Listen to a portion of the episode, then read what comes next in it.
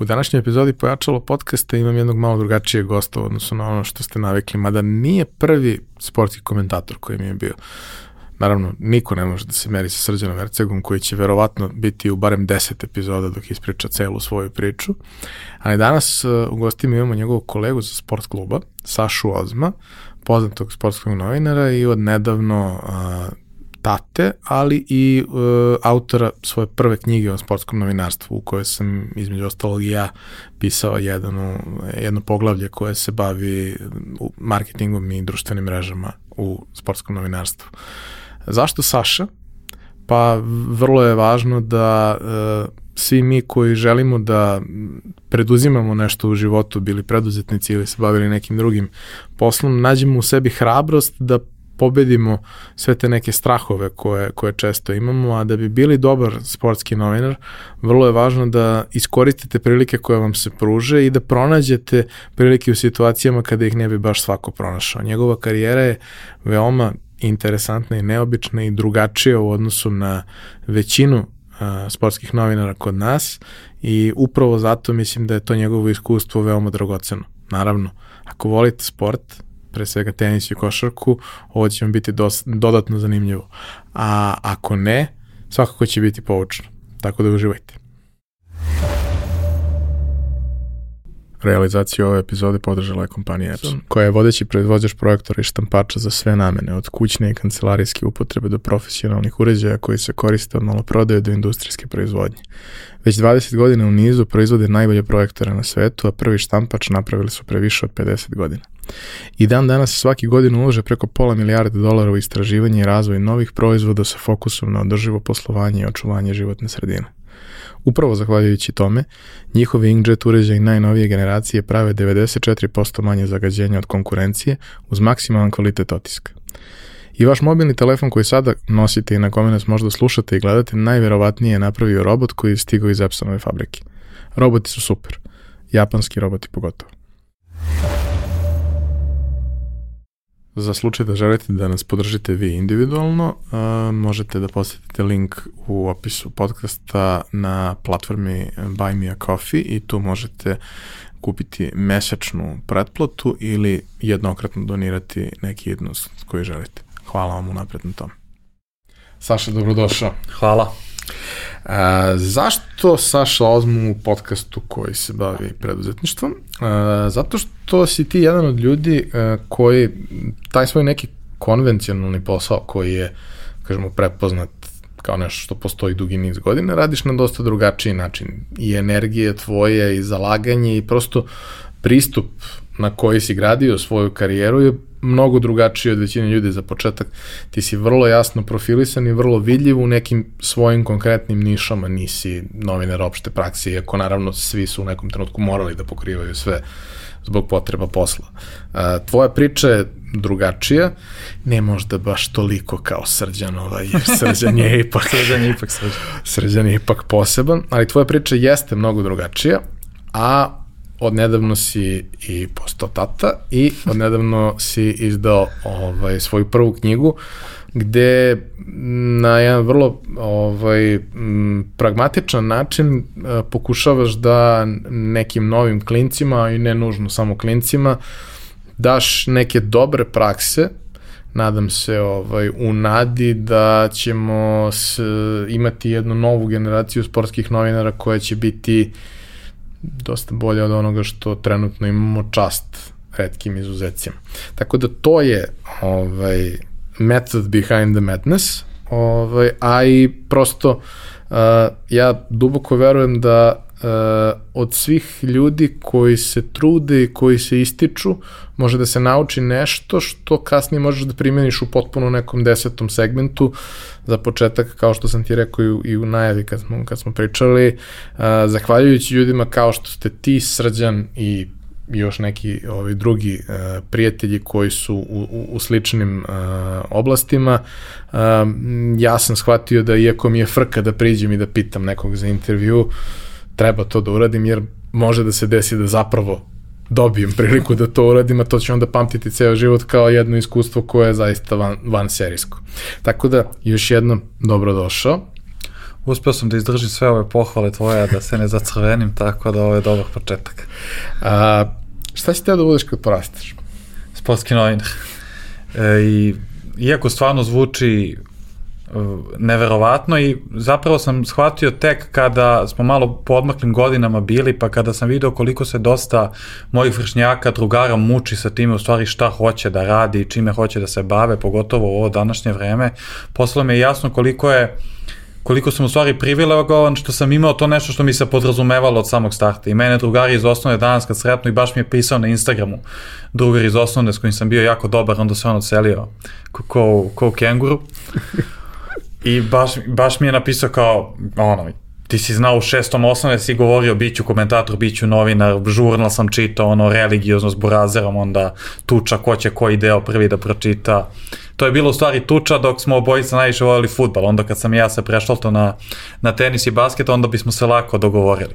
Tako da sam stvarno znao, ja uh, sport sam koren te ljubavi mi nije, nije do kraja jasno da sam ja toliko baš od najranih dana bio zaluđen. Ja stvarno ništa drugo nisam, ponekad možda autićima sam se igrao neki Masters i nešto, ali lopta, lopta i samo lopta. Ja sam napisao mi u ovom tekstu kad sam najavljivo knjigu, ja sam i atletiku igrao kod kuće. No.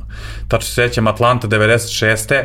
trka na 100 metara, ja sam najviše voleo ovog Gatoa Boldona i Frankija Frederiksa. I onda kao ja trčim s jednog kraja dnevne sobe na drugi i onda mi uvek foto finish odlučuje. Dok odlučim da će da pobedi Bailey koji je uzeo zlato te 984, sećam se koji uči. To, mi je fascinantno kako se sećaš nekih stvari, ono kad si imao 6 godina, 8, a ne sećaš se ovo što je bilo pre, pre godinu dana. Sport sam volio i trenirao sam, kao klinac sam trenirao dosta sportova, počeo sa plivanjem, onda sam na tenisu sam se, mislim, najviše zadržao malo košarka i onda u šestom osnovne mi je rečeno da ne mogu više da treniram, da mogu rekreativno da se bavim ono, kako god hoću, u kojem, kojim god tempom hoću, ali da profesionalno ne bi bilo dobro, im neki, neki mali problem sa srcem, ništa ozbiljno, samo eto ne mogu profesionalno. I to mi je bilo žao i iz ove perspektive mi je još žalije, ne zato što mislim da bih ispao neki, ne znam, košarka što mi je, što mi je bio prvi san, nego mi je žao kad vidim ono po mojim drugarima koliko ima tih priča sa priprema, koliko dobrih ono drugara, poznanika, pa i prijateljstava se stvarno tako napravili, onda mi je bilo baš žao E, što, što ne mogu više da, da budem deo svega toga, ali simultano sa time se rađala ova želja da postanem sportski novinar, jer eto, s jedne strane ljubav prema sportu, sa druge strane jako rano sam, jako rano, sad bi me Gojko ubio što sam rekao jako rano, veoma, veoma rano sam zavolao jezik i u, u mojoj kući, iako mi je mama doktora Ćale elektroinženjer, jako je važno bilo to da se pravilno izgovara, da se pravilno izražavamo i, i meni je to bilo bitno, ono sećam se, tipa kad kažem evo su, uvek su me ispravljali, nije evo su, nego evo ih i onda tako meni vremenom to postalo e, veoma važno i eto kad se spoje te dve stvari nekako sportski novinar ispade super. A kad je neki prvi tvoj kontakt sa tim da to nešto što pratiš, voliš, gde kao kapiram da si ti kao i, i svi ostali zaluđenici u tom periodu, uključujući i mene, imao svesku koja si beleži sve što se dešava. Skoro sam gledao... Imamo i dalje Brazer ja, ono prvenstvo Jugoslavije 97. 98. Ne možeš da veruješ kako to. je to vođeno. To, ti je... to, to, to. Ja sam imao za rokovnike u kojima sam vodio NBA ligu i šta se dešavalo ovaj, i razne druge stvari. A na časovima, ono kad pišeš sve postave. Mi smo pisali sve prve petorke svih NBA timova na časovima i onda ko prvi ispiše, ludilo. Ovaj, u kom trenutku si prvi put došao u priliku da zapravo nešto radiš u sportskom novinarstvu? Sa 14 godina, e, mama je moja videla oglas nekih škola, bila sportskog novinarstva, više se ne sećam u čijoj organizaciji, ali ja se sećam tačno moj prvi izveštaj je bio Nemačka, Saudijska Arabija, onda kad su ih nabili, ne znam koliko je bilo, 8-1 kad je Klose dao hat trick i tačno se sećam da sam iskoristio neku frazu tipa odbrana Saudijaca bila šuplja kao švajcarski sira, onda su kroz rupe na njemu prošli, ne znam kako, mislim, katastrofa je bilo, ali meni je to, to toliko značilo, a znaš što mi je najviše značilo? Što na kraju te školice su nam kao delili neke pres karte, i sa kojima smo mogli da idemo da gledamo utakmice u pioniru košarkaške. I ja sam otišao na utakmicu i sad, tad su još bila novinarska mesta, ono, nisu bile iza koševa, nego tačno uz parke da je sad ona loža. Znači, ne može bolje mesto sad za jednog, koliko sam imao, 13-14 godina tad. I ja onako sav ono crvenih ušiju sad gledam, ono ništa mi nije jasno. I dolazi neki lik i, i pita me, o kasni, 7 minuta na utakmicu, kao mali šta je bilo, ja mu kažem, ne znam da je tvoj kolega iz Pick and Talk podcasta je Inače je bio moj prvi omiljeni igrač i dao je, ne znam, tada je dobro počeo utakmicu. I ja mu rekao, ne znam, dozet, da, šta je bilo, dve trojke. I tačno sećam ono rokovnik napisao, dozet prednjači, kao zvezda vod, dozet prednjači, ja rekao, ovo je, ovo je mojih misli dela. Tako da to je bio prvi susret i baš mi je, evo ja živo se sećam te utakmice isto kod tog Donovana Belija 96. u Atlanti, tako se sad sećam ove, ove tekme koje je bilo. A, kako se ta priča razvija? Jer kao, super je to kad si, kad si klinac, imaš neki san i neku viziju i e, svi mi až u nekom periodu nađemo tako nešto što nas povuče, onda u nekom trenutku zapravo shvatimo šta sve to ostalo podrazumeva.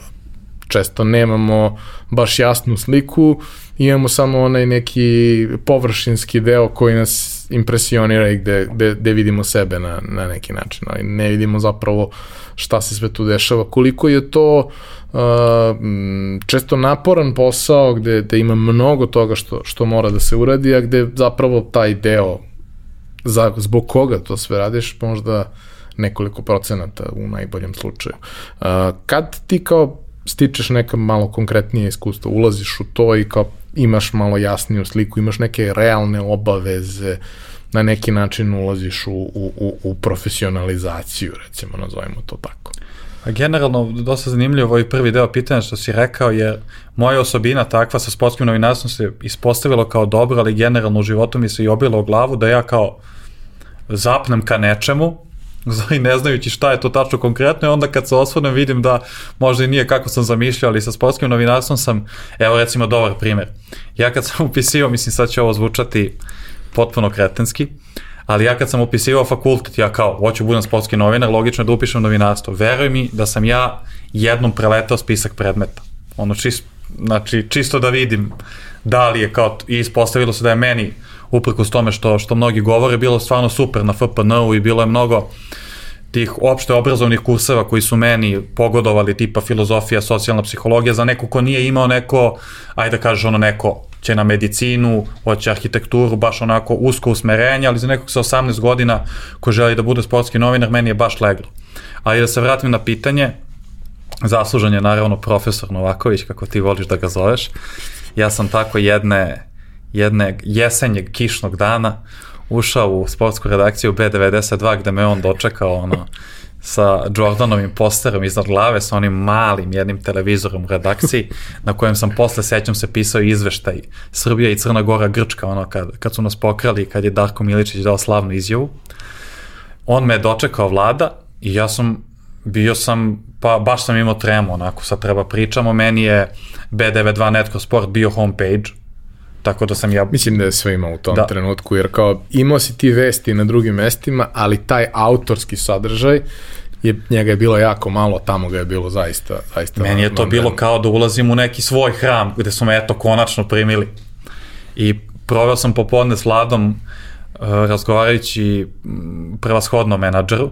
Znači, bilo je tu nešto šta, ko si, kakav si i onda je bilo kako mi je Burazar izbrisao karijeru sa Barijem, jer sam mu se smejao što što je izgubio neku tekmu, mislim to menadžeru, šta smo mi sve radili i onda sam, kad smo shvatili koliki smo ludaci, jer pazi, Borazar i ja smo jedno vreme, tačno sećam, imali smo neku majicu Chicago Bullsa, koja je već bila pocepana i mi smo se toliko nervirali, znači to je igrica koja mi je oduzela bar 5 godina života, da ono, napraviš taktiku i onda stavimo majicu preko ekrana do polovremena, onda eventualno u skladu sa razvojem situacije neke izmene i onda još jedna pauza sredinom drugog polovremena jer ono toliko se nerviraš da ne možeš da ne možeš da gledaš. I onda smo takve neke priče delili o lomljenju monitora, matičnih ploča i tako dalje. I ništa, rekao mi ajde dođi da probaš i ja sam stvarno imao sam mislim da imam taj kvalitet, ako nije ružno pričaš sobstvenim kvalitetima, da slušam tog nekog ako sam već došao po neki savet ili da mi neko pomogne, onda ga slušam i trudim se da to momentalno primenim šta mi je rečeno. I, eto. I tako je, tako je krenulo i sećam se da sam, ono, trudio sam se da iskusam što više vesti i vlada me tu ohrabriva, onda sam, nisam mogao da nađem neku iole smislenu vest, znači sad se sećam bukvalno bi crku od smeha kad se setim kakva mu je faca bila, i sam našao neku bizarnu vest kako su Rangersi potpisali nekog 16. god, znači, nebitno. I onda čak ni vlada, ono, benevolentan kakav je bio tada, ovaj, mora mi kaže, pa kao ono, ne moraš baš ovo, kao, ne, nećemo baš ovo kačiti na sajt. I sećam se svoje prve vesti koja je završila na, na vrhu sajta. Naslov je glasio Spektakl u Tivoliju. To je bio neki pokušaj All-Stara Jadranske lige, znači neki no, možda zamisliš kako je to izgledalo, sve sa takvičenjima o zakucavanju, da je ono, bolje, kod mene u bloku, ono, bolje zakucavanja ali meni je to bilo spektakl u Tivoliju na vrhu naslovne strane i bio sam ono ponosan, javio ono Kevića, ali eto drugarima, evo sad moja vestana. I, I dalje ima, ovaj sad kad sam oko knjige, kad sam u vezi sa knjigom to tražio za ovaj tekst, baš sam ukucao u Google spektakl u Tivoli i dalje regularno stoji vest, može se ukucati da se nađu komentari. I tako, ono, kako to već biva u novinarstvu u Srbiji, neko vreme volontira, onda krenuo da radim tri smene, onda pet smena nedeljno sa raznim obavezama, imali smo i tada i one specijale za Grand Slam turnire da smo Vlada i ja, sećam se za US Open 2007. ja sam radio smene od 19 časova do 2 ujutro, onda Vlada preuzme od 2 do 9, logično. Kad je, kad je njemu jutro, onda on preuzme. I tako smo imali te neke stvarčice, onda kad sam malo počeo da, da pravim gluposti ono, na faksu, da baš sam bio usporio jedno vreme, onda sam, mislim, godinu dana radio ponovo tri smene gde sam imao, dve smene me je menjao tadašnji kolega Uroš, i, ali eto, mogu da kažem da rano, rano je počeo profesionalizam neki, sa koliko, 19 godina. 18 Kako izgleda, da kažemo, interna organizacija u, u, u jednom takvom sistemu? Zato što prosto uh, ono što je tu bilo fascinantno da rad zapravo vrlo mali broj ljudi, barem onih koji su aktivni full time na tome, vrlo mali broj ljudi je pravio fantastičan sadržaj, značajnu količinu tog sadržaja, plus uh, su postojali nekakvi formalno neformalni dopisnici koji su svaku u svojoj oblasti pravili neku dodatnu vrednost za, za ljude koji to prate. Često, znaš, kada analiziramo to kao uh, Zvezdica, naša zajednička drugarica Jelena Trajković, već je pominjena nekoliko, nekoliko puta ovaj, ovde, Srđan je pomenuo bar, bar dva, tri puta i ja sam, ovaj, gde kao ona ima svoj set sportova koji prati, koji povremeno možda zalaze i u mainstream sportove, ali uglavnom nisu to, ali kao te male niše su zapravo veoma interesantne i mogu da imaju vrlo ozbiljan rezultat, iako tu postoji nekakav predan rad, neki, neki duži niz godina, napravi se momentum i desi se to da ta neka oblast postane zapravo prilično interesantna. Ne mora sam, nije uslov da se to desi samo da imaš Nova Kanu i Jelenu i Janka i Viktora u istom trenutku pa da ljudi gledaju tenis. Da.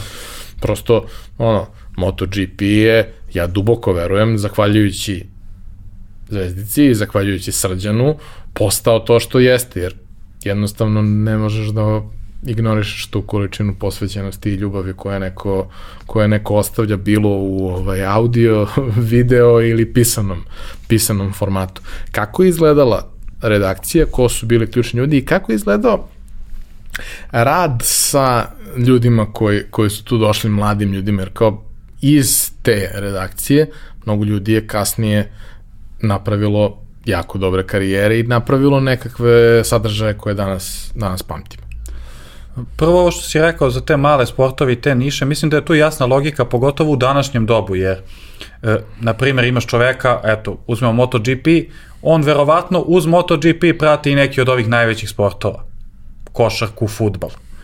Ako mi pokrivamo dobro MotoGP, on će doći tu da pročita MotoGP, ali će tu čitati onda i košarku i futbal. I tu je onda jasna logika i zato meni, e, zato meni ni jedna vest nije ono kad kažu, ne znam, ja sad moramo pišemo skijaško trčanje, neću sad da lažem da sad s najvećim entuzijazmom na svetu prilazimo izveštaju skijaškog trčanja, ono, ali mislim da treba da ima za nekog ko voli skijaško trčanje, on će onda doći na sport klub da vidi skijaško trčanje i da vidi ovo drugo što ga zanima od ovih mainstream stvari.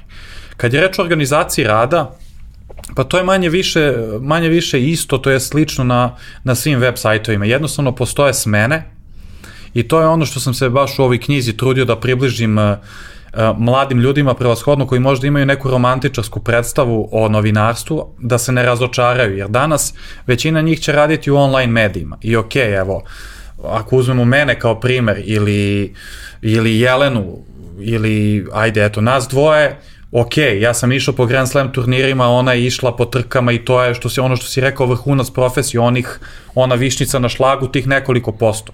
Ali većina vremena jeste ipak na smeni, ne na događaju. A smena podrazumeva to da si ti za kompom i da ono što mi zovemo puniš sajt. Dakle, šta god da se događa u tih 7-8 sati koliko traje tvoja smena, ti pišeš o tome, bilo to futbal, tekvondo ili, ili nešto treće.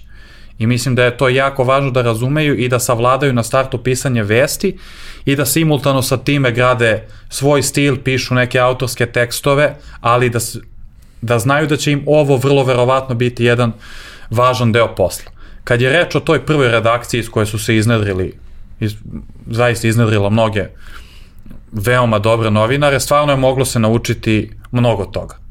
Ja sam i u knjizi, onaj što se kaže konkretni rad u smislu pregledavanja tekstova, ovo valja, ovo ne valja, to je vlada nosio na svojim ramenima, ne znam kako.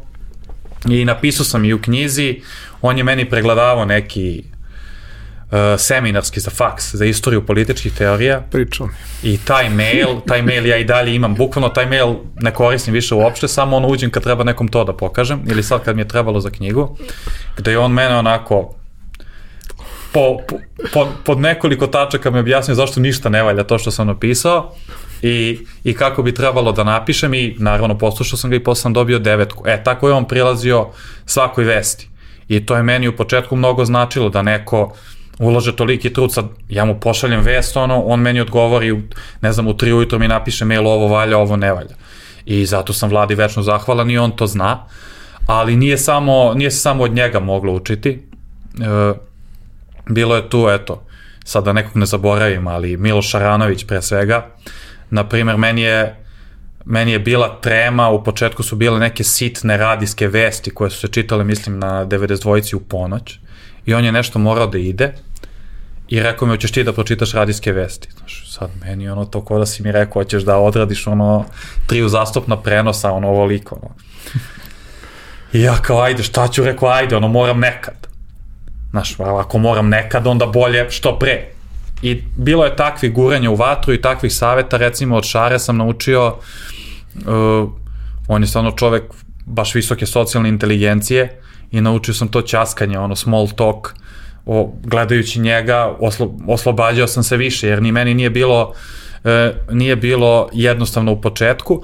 I ono što me jako nerviralo, sećam se u početku, to što se podrazumevalo nekako da sve znaš. Znaš, kao, ja sam došao kao klinac tamo i onda ne znam, e, neko mi kaže, evo odnesi ovo u prostoriju pet sad, karikiram, lupam, otkud ja znam da je prostorija pet jer mi niko nikad nije rekao gde je prostorija pet i tebi je glupo da pitaš, ali dobro, to su sve bile dečije bolesti koje su se brzo preprodile, onda naravno lonče, pa ne znam ko je još bio, Bole, uh, i ova naša ekipa sa sajta, uh, Aco Kovačević, Aleksa, naravno uz JT, mene Nina, naravno, koja je, koja je posle došla i koja je prvo radila na sajtu, pa je, pa je jako brzo postala TV lica. Još se sećam njenog prvog uključenja, da smo to onako emotivno proživljavali. Mislim da je bio Čavić, Čavić neki dolazak ili nešto tako.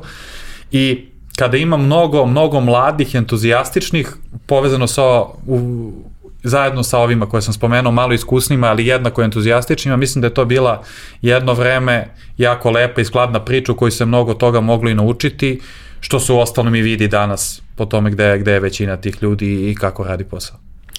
A taj moment kad uh, prvi put dolaziš u, u, u neku priliku da uh, izađeš iz okvira hrčak položaja na poslu i zapravo na licu mesta možeš da doživiš neke stvari, pišeš, uh, šalješ nekakav materijal sa, sa lokacije, ok, naravno kreće se iz Beograda i svega što se tu dešava, ali prosto i to je van serijsko iskustvo, ti si i mnogo više toga ovaj, doživeo, ali kao kad se to dešava, kad si prvi put uh, imao prilike da negde nešto radiš sa lice mesta, šta ti je bio zadatak, ko, da li su te uopšte pripremili na tako nešto ili si otišao i možeš ti to? Mislim da je to dosta veliki problem kada što kažeš ako si u hrčak položaju tri godine, onda je jako teško kada prvi put negde nešto treba da uradiš tog tipa sa, sa živim čovekom, jer e, hteli mi to ili ne, nekako ne osjećaš se ti kao novinar ako to radiš, ako samo to radiš, ako nigde nemaš nikakav intervju, e, ništa od onog pravog novinarskog posla, onako kako mali perica zamišlja novinarstvo i kako je prikazano u, u filmovima. Prvi zadatak moj, e, ne sećam se. Veruj mi da se ne sećam, ali ako ali znam da je funkcionisalo i ono što govorim i, i mladim novinarima i ovima koji mi dođu, ajde da kažem, u redakciju, pa kao na neko malo mentorstvo, imali smo i u 92 i na, i na sport klubu dosta tih mladih koji dolaze na probu pa da vidimo može, ne može. I prvo što želim da usadim jeste da mora da se održava entuzijazam. Znači, čak i nekad kad je teško, ali to u ovom našem poslu i ovde podrazumeva često da ćeš ti neke stvari raditi van svog radnog vremena. Kako god, pogotovo u početku. Znači, i u stvari novinarstvo i nema radno vreme tebi sagovornik ako može ti kaže koliko sam puta radio u drugoj vremenskoj zoni u dva ujutru, mislim, ko te pita. Sećam se sa Veljkom Paunovićem sam pričao, zaspo sam bio i mislim ne bih zaspo da mi je najavio, nego smo se tu nešto bili dopisivali, aj danas sutra, samo čujem zvoni mi telefon, vidim ono i pola jedan ujutro bunovan u pidžami radim preko Vibera intervju. Moraš, moraju da budu spremni na takve stvari i da evo baš sad o, u vezi sa ovom knjigom, pa kako mi je pisalo dosta klinaca, osnovno pitanje je bilo kao, e, kako si se, kako si se borio s tremom, ili nekad kad dođu u sport klub, isto tako pitanje, kako si se borio s tremom. To sam malo pokrio u knjizi, ali osnovni savjet je tu da mislim, kao što verujem i ti znaš iz ličnog iskustva, ja znam sigurno, jednostavno moraš da ideš kroz to. Nema sad tu nekog čarobnog leka. E, ja sam imao drugara na faksu koji je, ono, ničega nije bilo blam. Meni je bilo glupo, ono i na času, ono i na predavanju, ako nešto znam, ono ako me baš prozove, pa kao ajde. Znaš, dok se ne opustim. A on, čovek, ustane, pun amfiteatr, ne, kaže to što ima i samo uvereno i ja ga pitam, brate, kako on, mislim, evo, meni ono, možda bi nekad nešto rekao. I on mi je dao savet, koliko god banalno zvuči kad ga izgovoriš, kaže, brate, samo smisli šta ćeš da kažeš, ustaneš i to kažeš. I onda sam, eto, to je bilo na predavanju, ali sam primetio recimo da je to često problem na konferencijama za medije, gde ljudi podignu ruku da postave pitanje, a nisu smislili to što će reći. I onda izgube i pažnju sagovornika i onda to, i onda ni odgovor naravno ne liči ni na šta. I zato, i, i zato je moja preporuka uvek bila, znači, pitanje treba da ima jednu rečenicu, eventualno dve ako ti treba da objasniš okolnosti na šta misliš i onda je to to. A kad je reč o tremi, samo znači dižeš ruku, pitaš, dižeš ruku, pitaš, kažeš dok ne prođe. Jednom će proći, mislim, e, meni je, za neke stvari mi je prošla odmah, za neke nije, za neke sam morao uh, duže da se borim s time, recimo za stand-up, prvi kad sam imao, prvi stand-up sam imao, to je 2012. finale Fed Kupa, to nije ličilo ni nešto, da, nadam se da je izbrisano, da je neko spalio te trake, da se to više nigde nikada ne vidi. Uh, I sećam se da mi je Šara poslao poruku, pa kao nije bilo tako loše, ono, hvala mu i ovom prilikom za to, nije bilo tako loše, bilo skandalozno.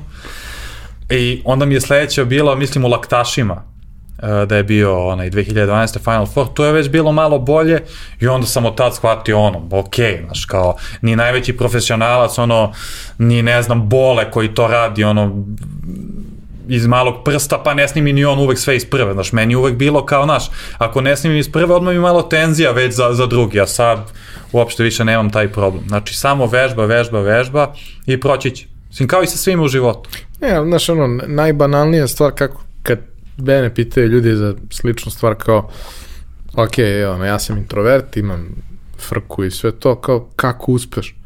A šta je najgore što može se desiti?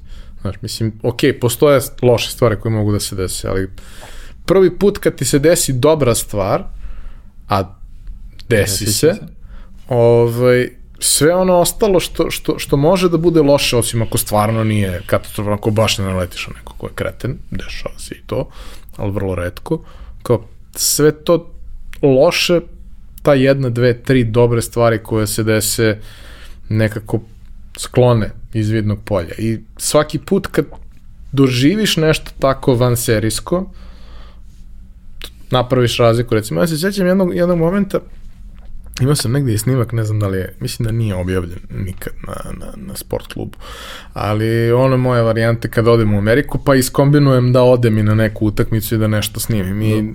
snimao sam ono, naši igrači, regionalni igrači, neke kratke priče sa svima njima, ali recimo konkretno tad kad, kad sam snimio 3-4 intervjua kratka um, u Staples centru u Clippers i Orlando, ove, bili su Hezonja, Vučević, Teo Bobi Ovaj, jedan od najlepših detalja koji sam ja posle vam poslao, pa ste vi nešto izbacili, mislim kao vest, ali nije, nije išao video, jer falio, mislim, jedan deo.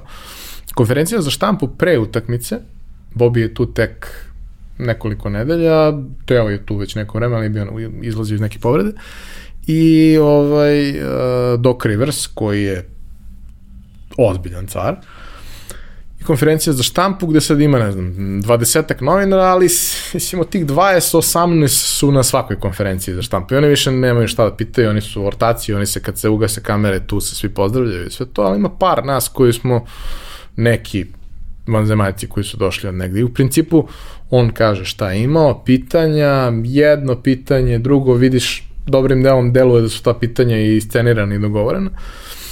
I u jednom trenutku uh, se postavlja pitanje oko toga kao uh, navijači mnogo dobro reaguju na Bobija, stvarno svi obožavaju Bobije iz objektivnih razloga. Ovaj, I kao, da li ćete zbog toga da mu dajete više prilike da igra, iako možda ne zaslužuje, jer kao navijači zovu da ga ubacite u igru. I on koji sve vreme u nekom polu šaljivom, kao smrtav, ozbiljan, i kaže, vi ne razumete, on je vrhunski igrač, on je jedan od najboljih igrača Evrope i došao je kod nas kao takav. On ima svoja, ne znam, ograničenja u igri koja su, ko, oko kojih mora ekipa da se prilagodi i sve to, ali on zaslužuje da igra i on će igrati zato što zaslužuje da igra. I onda prelazi na drugi deo priče koji je ono, istopiš se dok slušaš, kao Znate, ja sam u karijeri vodio razne klubove i ono, bio i NBA šampion i tako dalje ali ja nikad nisam radio sa ovako dobrim ljudima. I onda kaže, od trenutka kada je Boban došao u ekipu, oni su imali super hemiju, generalno, i Deandre, i svi, uvek je bila dobra atmosfera, kao od trenutka kada je Boban došao u ekipu, uh, a, cela organizacija je dva stepenika viša nego što je bila. Jer on je kao dobroćudni džin koji kada dolazi na trening, on se pozdravlja redom sa svima od, od trenutka kada uđe u dvoranu. Čistačica, uh, onaj ko vodi računa, ne znam, o tehnici, samo tome, svi znaju ko je on, on zna ko su svi oni i on se stvarno pozdravlja sa njima. Znaš, nije, on, nije to kurtoazija, to je zato što je njemu stalo. I ti vidiš kao u tom trenutku ono 20 novinara koji su smoreni, sve 20 novinara koji gledaju, ništa im nije jasno.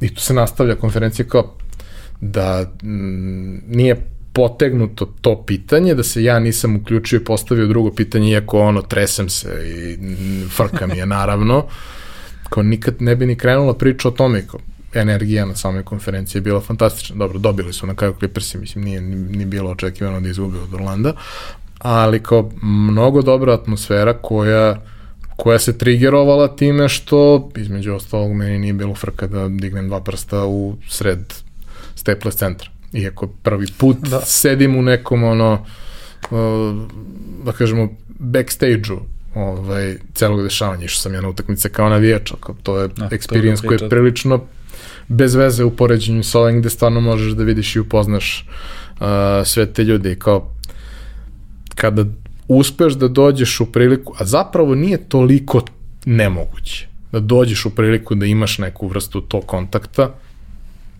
i iskoristi to, nećeš večno imati prilike. Jeste ona rečenica koju si, koju si rekao na početku šta je najgore što može se desi, mislim to moj čale često ponavlja i primenjivo je stvarno na, na mnoge situacije u životu, nije na, nije na sve, nažalost, ali na mnoge situacije stvarno jeste. Tako da, apsolutno smo saglasni po ovom pitanju.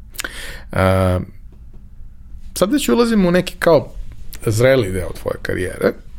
E, šta su ono, neke posebne stvari koje pamtiš, posebni događaj, posebni intervjui, tekstovi, prilike, razgovori koje, koje stvarno pamtiš kao neke najznačajnije stvari tokom svoje karijere i zašto baš ti intervju? Pa mislim da je prekretnica bio Roland Garros 2015. Ako govorimo o ovom zrelijoj fazi karijere, pre toga je bilo recimo sa radošću se sećam svog prvog teksta, ono, Iole Ozbiljnjeg na, na 92-ici, tačno se sećam, bilo je Roland Garros, prvi srpski Grand Slam upitnik, to mi je bio naslov. I to je prvi put da sam napisao neku, ajde da kažemo, kolumnu, nije to bila kolumna po formi, ali autorski tekst gde ja dajem svoje mišljenje. I to ću zaovek pamtiti. A onda vremenom kako se otvaralo, mic po mic, uh, i tenis i košarka, meni je, mislim, meni je košarka prva ljubav i ono, kad me pitaju košarka ili tenis, ipak kažem ono 50,5, 49 i po za košarku, ipak.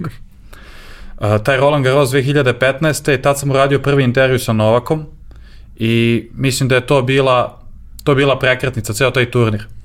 I to izveštavanje gde, gde sam otišao ne znajući šta me čeka, otišao sa tremom naravno, ali mislim da trema nekad ne mora da bude loša, naprotiv, ona je mene terala, ja sam mogu tamo da ne spavam uopšte, da, da me nisu terali iz kompleksa, ne bih ni izlazio.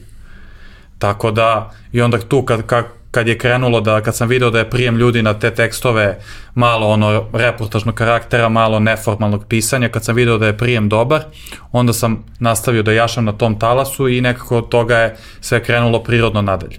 Do tada sam bio više pa neću kažem dosadnjikav, ali više fokusirano na tu ono analiza kako se odigralo, šta se odigralo, a od tada sam čak i kada nisam na, na turnirima počeo malo više da obraćam pažnju na reportažne elemente.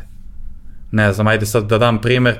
Po, pošto kad sam bio tamo na Grand Slamu, shvatio sam da je glupo da ja sad samo, on, ok, radim intervjue naravno, i da, ali da analiziram mečeve to 95% može se doživi preko televizije. Prosto je bilo greota da ne pokušam barem da prikažem sve ono što se dešava iza kulisa. I onda sam posle, kada sam se vratio, pokušavao to da primenim i na druge stvari, ne znam, da više obraćam pažnju na to kako se igrači ponašaju na klupi, ne znam, kad je košarka u pitanju, da li neko ima svoj ritual koji možeš da primetiš u slačionici ili, ne znam, kod Jenkins, ono, što je morao poslednji da da koš i da ni da pokaže ka nebu. Takve sitnice. Na tome je nateralo, na tome je nateralo e, to putovanje. I još jedna stvar koju sam kasnije kasnije shvatio u karijeri, recimo meni u početku nisam bio preveliki fan nezvaničnih razgovora, ono, off the record. Jer sam to shvatao kao gubljenje vremena, znaš, kao radi bi otišao s nekim svojim ortakom, popio pivo, nego sad kao blejao s nekim čovekom koji ono, okej. Okay.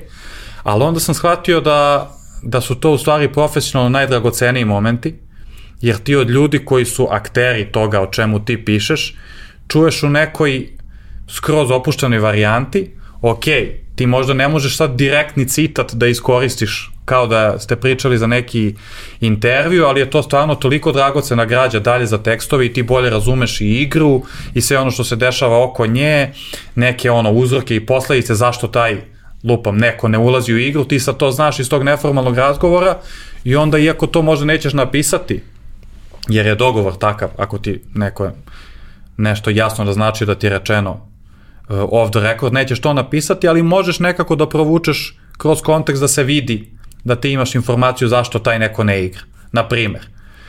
I rekao bi da su to bile dve, ajde da kažemo, odlike mene kao malo, malo zrelijeg novinara. Znači, ta važnost nezvaničnih razgovora i ovi reportažni elementi koje se trudim da, da uvedem sad kad god je moguće. Za to je potrebno da si na licu mesta uglavnom, ali kad god je moguće trudim se da uvedem malo boje koje bi koje bi ovim uh, ljudima koji možda ne, ne prate toliko pasionirano da učinim te tekstove malo zanimljivijim, a sa druge strane i da ovima koji obrnuto u stvari, shvate šta hoću da kažem. Koji prate da im daš da. još nešto, jer mislim, ta ono informacija i analiza, ja vrlo redko čitam tekstove koji su vest, kao informacija šta se desilo. Ja vest e, dobijem na live skoru kad pogledam šta video, se desilo. Strelci i to je to, da. U principu ono, ako vidim, ako mi nešto nije jasno oko rezultata, ja ću možda da pročitam šta je ali u, ako mi je Ako jasno, vidiš obično penal je jasno, šta je bilo i to znaš, je... to je, to je otprilike stvar. Ali ovaj, e, vratio bih se na, na, na, na jedan moment sa, sa paralelom. A, to ti je ona priča, znaš, kad smo krenuli e, Pick and Talk, ideja je bila da, naravno, tu budu i aktivni sudionici na, na, na terenu i Dejo i Laza i Simke i prosto svi koji su tu i ovaj, ali prvi intervju koji smo snimili je bio sa Kuzmom. Ovaj, odnosno, m, nije sad važan tačno raspored, ali suštinski prva kompletirana stvar koja je bila je bio razgovor sa Kuzmom i on je izašao tek sad, znači dobrih dva i po meseca kasnije. A, komentar ljudi je fantastično ste opušteni, u svim ovim ste jako stegnuti i najviše mi se zamera meni posebno, pošto dozet nije, nema taj problem, Ove, kao mnogo ste stegnuti, mnogo je sve to formalno, mnogo je to uštogljeno i to sve. Nismo mi stegnuti. Mislim, i jesmo, naravno nije ti sve jedno, to je klub za koji navijaš ceo život i tako dalje, ali nije samo problem u, u, u nama, problem je u tome da ti ne možeš da očekuješ od nekog ko je aktivni akt, učesnik u celoj priči, znači kao Dejan, Da se raspojasa sad. da će sada ti priča e, anegdote iz slačionice u kojima će da ti objasni zašto igrač X e, ne igra i slično. Naravno. To će privatno sve da ti kaže i ja bih mnogo volao da ono da, Da nekad mogu da češće da budem, pa ne, ne bih volao to da objavim, ali mi je čast što zahvaljujući tome što te ljude znam i što oni imaju neko poverenje, ja mogu da čujem sve te stvari, meni objašnjava, meni oslikava kontekst, meni omogućava da razumem bolje. Ali je neverovatno koliko ljudi ne razumeju da onaj ko je aktivno deo toga ne može da ti daje komentare koji će tebi da budu zanimljivi, nego će to zaista biti prilično bazična stvar. Mislim, dobra paralela je kao, uh, ja još nisam čuo, a neću ni čuti pošto se povukla, ja još nisam čuo to izjavu Ana Ivanović iz koje sam nešto saznao. No, pogotovo u kasnoj fazi karijere, ja, dobro, to je sad potpuno druga priča, ali mislim da njeni PR-ovi nisu tu baš odradili dobar posao, da je moglo to mnogo bolje. Ili jesu, znaš, zavisi. Zavisi šta se htelo, ali Znaš, možda e, uvek imaš taj moment, ne možda u njenom konkretnom slučaju, ali da čisto malo analiziramo, izmestimo se iz toga, ali uzmemo kao primer. Kao, ako imaš neko ko je previše srčan, bolje da ne kaže ništa. Jer to što će da kaže će da napravi problem. Mada znaš šta, uh, vratio bih se na ono šta je najgore što može da se desi. Mislim da bi i sport svima bio malo interesantniji kada bi, kada bi više, ne moraš sad ti da kažeš, e, pobili se oni u slačionici, ali da se daje malo više detalja, da to bude malo koloritnije sa, sa takvim likovima koji su, koji su otvoreni i koji su iskreni, pa to, to je ono, Mislim, i Đoković to kaže često na konferencije, mislim, ono, dve strane iste medalje, svi smo mi u tome, znaš, ako ti daš dobar odgovor, ja ću ga bolje preneti, neko će se treći zainteresovati za nešto što možda ne bi da si samo rekao, ono, napravio sam mnogo grešaka u prvom setu. Mislim da, mislim da, u pravu si, samo mislim da nije nije stvar dve krajnosti i da bi moglo malo više da se ide ka sredini, ka evo bar da ide u tom smislu u kojem su američki sportisti, evo ti i ja obožavamo NBA. Dakle kada bi uh, kada bi se ka tome išlo da nije ovde se često ima manir šta god da pitaš da nije onako najopštije, odma je, odma je odbrana. A kako ti, šta to, za otkud ovo pitanje, jesi ti igrao košarku, jesi, znaš, Uh, a dok to, toga u NBA nema. Naprotiv, njima su dobrodošla takva pitanja, ono, X, X is and O's, što oni govore, oni vole o tome da govore i pričaju o samoj igri i time približavaju samu igru. A Jeste. ovde kad pitaš nekog trenera da li taj, ono, da li mu je bolja pozicija, ne znam, kec ili dvojka, znaš, on već tu gleda da li ti hoćeš tu njega nešto prevariš da izvučeš nešto. Naravno, ne svi. Ne svi ima, hvala Bogu, mnogo, mnogo lepih i dobrih sagovornika, pogotovo među našim košarkašima, ovaj, ali ima ruku na srce sada budemo potpuno otvoreni i izjava gde se potpuno ništa ne sazna ovo što si, što si ti rekao i onda je teško i onda je teško tu izvući i tu dolazi do izražaja dovitljivost novinara da ti nekim sporednim putevima ili tačnije postavljenim pitanjima, baš tako mislim tačnije postavljenim pitanjima, dakle da ne bude ono zatvoreno da možeš ti odgovori sa da ili ne, dolaziš ipak do neke srži stvari i suštine. Borba. Dobro, mislim, e, tenis je specifičan sport u kome postoji i taj neki, ba, možda je pretarano reći viteški moment, ali mislim da se mnogo više u tenisu ceni to uh, držanje emocija pod kontrolom, iako ja lično sam uvek više voleo one koji, uvek, koji pa, to pa nisu pa ko nije, radili. Ko, pa o tome ti pričam. Pa, znaš kao, ali ja verujem da jednim delom zato što nije takav, Novak nema imidž koji bi po svakom znam, meni, zaslužio. meni je emocija suština sporta. Ja ne mogu nekog se naljutim što je slomio reket, jer ja znam da ja igram taj tenis u, na tom nivou na kojem ga oni igraju, ja bi ne bi završio tri meča. Mislim, i to je, sad ti će, ne, pomislit ćeš nešto loše o čoveku kao njemu kao osobi, zato što je on, ne znam, slomio reket ili se izvikao na nekog u toku meča, pa bre, s, bratom hoću da se pokoljem na basketu, ono, ko pas i mačka, a ne sad da igraš, ne znam, Grand Slam finale ili finale play-offa ili nešto, pa zakačili se, nema veze. Znači, kogod je ikad igrao sport, bilo kakav, zna da je to potpuno druga emocija i da nema veze sa, mislim, naravno, vidi Ali, se znaš tu... kao, nije to željeno ponašanje. Željeno okej. ponašanje je, Da, nažalost. pa, slažem se, mislim, takav je sport. Od No, ne toga kažem sada kreće. treba svi da divljaju, ono da nema inhibicija nikakvih, ali prosto emocija jedna bi morala da bude poželjna, ako je, mislim, ako je to sport. Meni je to suština Mislim, sporta. i paralela koju si izvukao sa NBA-em, koja je meni super, ja dosta, posebno ono, te ljude s kojima smo odrasli, koje smo volili kao, kao klinci, volim da slušam podcaste, sada sa njima, i ti podcasti su fantastični, i ti podcasti sa bivšim igračima su neuporedivo bolji od onih sa sadašnjim igračima, jer sadašnji igrač Upravo ovo što si rekao. ne može da priča o tome. Pod ugovorom je i ne može da komentariše šta je problem, šta je razlog. Ako sve ide super, a njih vrlo malom broju ide sve super ili ako njima ide individualna sezona dobro, verovatno je ekipa u kanalu pa opet nije baš zahvalno da, da mnogo pričaju o tome. Znaš, a ovi matorci, oni imaju punu slobodu, oni su završili svoju priču i ako danas su relevantni da nešto kažu, verovatno je to zato što su ostvarili nešto, pa mogu da pričaju o svemu tome, ali i tu ti se desi uh, last dance u kome jedan čovjek sigurno bude zadovoljan kako je to ispalo i otprilike se tu završava spisak zadovoljnih. Ali, mislim, najveći svih vremena, pa Možemo se. možemo se. On je to ko za sebe pravio, što kažu.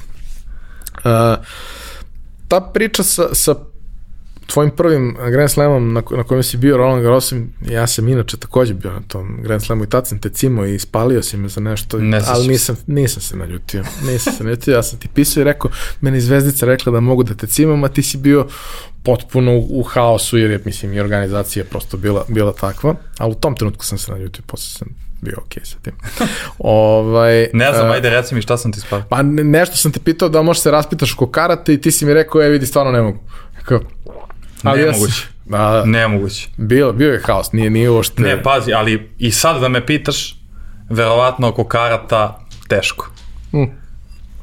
Mi smo imali mnogo čudnu situaciju, a, da smo na nekom kreativnom konkursu sa nekom pričom koju sam napisao pobedili, dobili priliku da odemo, biro je Eurosport, ko će ići. Dobili smo priliku da odemo, ali ceo aranžman je bio spakovan tako da se ode jedan dan, ide se na polufinale i sutra se vratiš kući. I ja kao, a Zašto što, bih to, da? mislim, pa kao da to, to, to je budžet, to je sve, pa dobro, možete vi da razmaknete te letove, a ja ću da uzem hotel još par dana i da zapravo vidim nešto, mislim, makar išao samo da gledam veterane i Bahramija i ekipu i ove malo mlađe veterane i neke juniore i tako dalje, pa kao možemo razmaknemo letove. I ok, razmaknu letove, Novak dobije polufinale sa, sa ovim uh, Marijem. Endijem, što, koje se bilo razvuklo da li na dva Dva dana. dana, da. Ovaj, I to je bilo ono finale ono, sa Vavrinkom i onim užasnim šorcem i gde smo svi kao očekivali da će to konačno da bude to. Ispostavilo se da nije. Ali za to finale je bilo potpuno nemoguće naći karte. I ja sam 5 dana pokušavao da ih nađem, jurio sam na svim Da, pa mogućim onim finale, kako. ovaj, onim sajtovima na kojima možeš da Viagogo, vraćene oni, karte da. da. da uzmeš. Ovaj, tipa do, do šest ujutru sam refreshovao non stop i, i pojavi Maka. se jedna, ali nas je Nestane dvojica i kao, znaš, ajde probamo da nađemo negde da su dve zajedno, pojave se dve, ja dok isklikćem neko je već kupio i tako dalje. Tad sam te cimao, ali mislim ništa, ne, ne, ne zameram, ne zameram, samo u tom trenutku, znaš kao, sedim u hotelu u Bolinskoj šumi i kao, Da, nije pazi. valjda da ću ja finale da gledam ono sa 300 metara A pazi, ja sam, se toliko, ja sam se toliko iznervirao da sam e, izašao u nekom trenutku i gledao i ja na bimu, ono ispred, da posljednje dva seta, ja mislim, skoro celo. Ja sam gledao žensko, ja mislim žensko finale na, na Lady Bagovima, onim koji, Da, su, da, da, bili, e, baš koji to. su bili ispred. Samo, jer, samo sam ja šetao okolo, nisam, nisam sedao. Pa dobro, da, bila je, mislim, atmosfera nije baš bila, nije baš bila sjajna. A, ali to ti je prvi put takav i prvi, prvi kontakt sa tim. Od tad ih je bilo dosta. A, kako uopšte dođeš u poziciju da možeš to da radiš? Jer ti si, da kažemo, deo redakcije koja ima svoje redovne obaveze. Pričao si o njima. Znači, to su smene u kojima se pokrivaju prosto stvari, ok, ajde, vremenom redakcija poraste i vremenom ti nisi najmlađi u redakciji, pa ne moraš baš sve te stvari da radiš, iako i dalje radiš i te stvari. Ali kao, kako si prvi put uopšte došao na ideju da probaš da uradiš tako nešto i kako se to vremenom razvijalo, zato što svaki novi put si ti se javljao sa još nekog novog, zanimljivog, neočekivanog sadržaja koji je stvarno bio izuzetno zanimljiv za, za čitanje. Ok, mislim i, i pokrivenost tih turnira je sve bolje i bolje i mnogo toga vidiš behind the scenes i mnogo dodatnog sadržaja se i na televiziji proizvodi, ali televizija ima ograničen prostor, Da, a trajno. previše stvari se dešava u isto vreme, posebno u prvoj nedelji i početku druge nedelje kad se mnogo paralelnih stvari dešava, ali kao ti si uvek davao te neke dodatne sadržaje i, i mnogi neke priče do kojih je bilo dosta teško doći. Ajde, kao, dao si neku, neku svoju motivaciju. Shvati, skapirao si da to treba da, da radiš, ali kao, kako uopšte izgleda to, znate, ja bih sad da idem na dve, tri nedelje, neću biti tu, ali ću da šaljem svaki dan mnogo toga, pa ako bi mogli mi da se Pa dogovore. bila je, bila je, mislim, borba je. Meni je žao što nisam ranije, ja sam, bio sam dosadan, mnogo dosadan, ja veoma dugo sam bio, mnogo dosadan. Ajde, mogli bismo ovo, ono, mislim, još Novak to 2011. Ovaj, imao onu sezonu. Či eto, od, od 2011. Novakova i pre toga kakve, kakve smo imali rezultate, jednostavno je meni bilo neverovatno da, da ništa tog tipa nema, da nas nema 10 tamo. Ja prvi put kad sam otišao, stranci ovi sa kojima sam ranije bio u kontaktu putem Twittera, pa smo se tamo upoznali i lično, oni su bili u čudu da nema nikog, tu budu ljudi koji žive tu, neki naši koji žive tu, kojima to po, po definiciji nije primarni posao i naravno logično da ljudi ne mogu, ne mogu da ga žive na taj način i da žele na, na isti ka, kao neko odavde kome jeste to primarni posao. I onda za taj prvi, ne znam kako bih definisao taj odnos i bilo je poverenja i nije bilo poverenja. Kao kako, bilo je naravno sumnji kako će to da ispadne, šta bi ti tačno tamo radio, kako će to da izgleda, da li će to nama da se isplati, jel možemo nađemo sponzora, ako ne možemo nađemo sponzora. Drž ne daj, odem ja nekako. Ne sećam se sad tačno, nemoj da me držiš za reči, ono, mislim da, mislim čak da sam, da su mi moji platili kartu ili ovako nešto, avionsku. Ali, i onda sam otišao na Roland Garros i bio kao lud tamo dve nedelje, ovo što sam ti rekao, pa eto čak dotle da sam i, i tebe iskulirao za to pitanje, ali ja prvi dan kad sam bio, ja sam bukvalno samo zujao okolo. Či, oh, od jednog kraja kompleksa do drugi, od jednog kraja kompleksa do drugi, gledao treninge, znači meni je to sve bilo bukvalno kao klinac ono u prodavnici slatkiša. I ja kad sam došao i ništa nisam napisao, ni reč, i kad sam došao u sobu nazad i kao jebote šta da napišem. I onda sam samo krenuo i bukvalno ono nadrealizam. Sećam se da sam se u tom trenutku setio kao ono pravilo nadrealizma je kao psihički automatizam, šta god ti padne, kao samo to izrok. I dalje možeš da nađeš taj tekst gde sam ja na kraju bukvalno u izvinite ljudi, ono meni ovo prvi put, evo ja sam sad ovako nabacao, biće, za sutra ću već da smislim neku formu. I kad sam video da su ljudi veoma dobro primili taj sadržaj, takav, onda ja sam, jednostavno sam radio ono sve što sam želeo da ja, kao čitalac, što sam ja želeo da čitam da se dešava na tim Grand Slam turnirima, na takvim događajima. I onda sam se time vodio i velika prednost u tom trenutku mi je bila što ja nisam uopšte uh, znao neke, neka nepisana pravila. Naprimer, odem na Nadalov trening i tamo redom pitam sve, jel hoće neko da intervju, znaš, od Ćaleta, sestre, znaš, To se ne radi. Samo ja, ja tad nisam znao da se to ne radi i onda su joj iz toga ispadale, ispadale super priče. Recimo, baš na tom treningu Nadalovom, mislim, ja sam Nadala voleo od od kad sam, od kad sam ga ugledao. Ono. Njegov tenis, ako govorimo o emociji, ja volim emociju u sportu, uvek sam volao zato njega više, više nego Federera. I ono, gledam njegov trening, on tamo kim je trenirao sa Joaom Sousom ili tako nekim, ono, krha dva sata, ori se, ono, pored njega conga, ono se zajebava, ono, svaka dva minuta se okreće, pa neka riba, pa mu ovaj dobacuje, a ono i dva sata, znači, samo Ubic. trening, da. I sad, ja tu ono, otprilike lociram ko je šta, i tu krećem u svoj ovaj, lov na intervjue i tu mi, u to mi prilazi PR njegov ovaj Benito i kaže mi stani brate, ne ide to baš tako. Ovaj, I kaže mi kao Čale neće da intervju jer tu je kao Nadal, ja rekao dobro daj onda Nadala kao ako je takva situacija, pa kao ne može mora to, mislim naravno da sam ja znao da to sve mora unapred da se najavi, zakaže, ali sam znao takođe da nisam New York Times i da neću dobiti ako je tako, ovaj, ali eto tu sam ga fotko ono izbliza, i kao dobio neke dve rečenice u prolazu, znači nije ni stao za izjavu, nego sam ga to ono, bukvalno dobacio.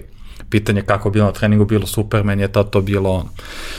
I tako, ono, i, i jednostavno, malo me tu, ovo što sam rekao da, da strah i trema nekada mogu da budu pokretači, mislim da se tu baš to videlo. Jer ako sam imao neki, neku zadršku da bilo kome priđem, ona je bivala nadjačana time sam ja moram nešto da uradim i moram nešto da pošaljem.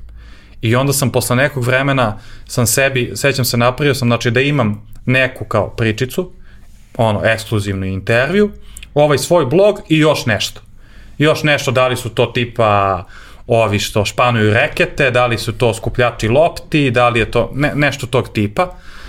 I to je jedan od primjera u knjizi.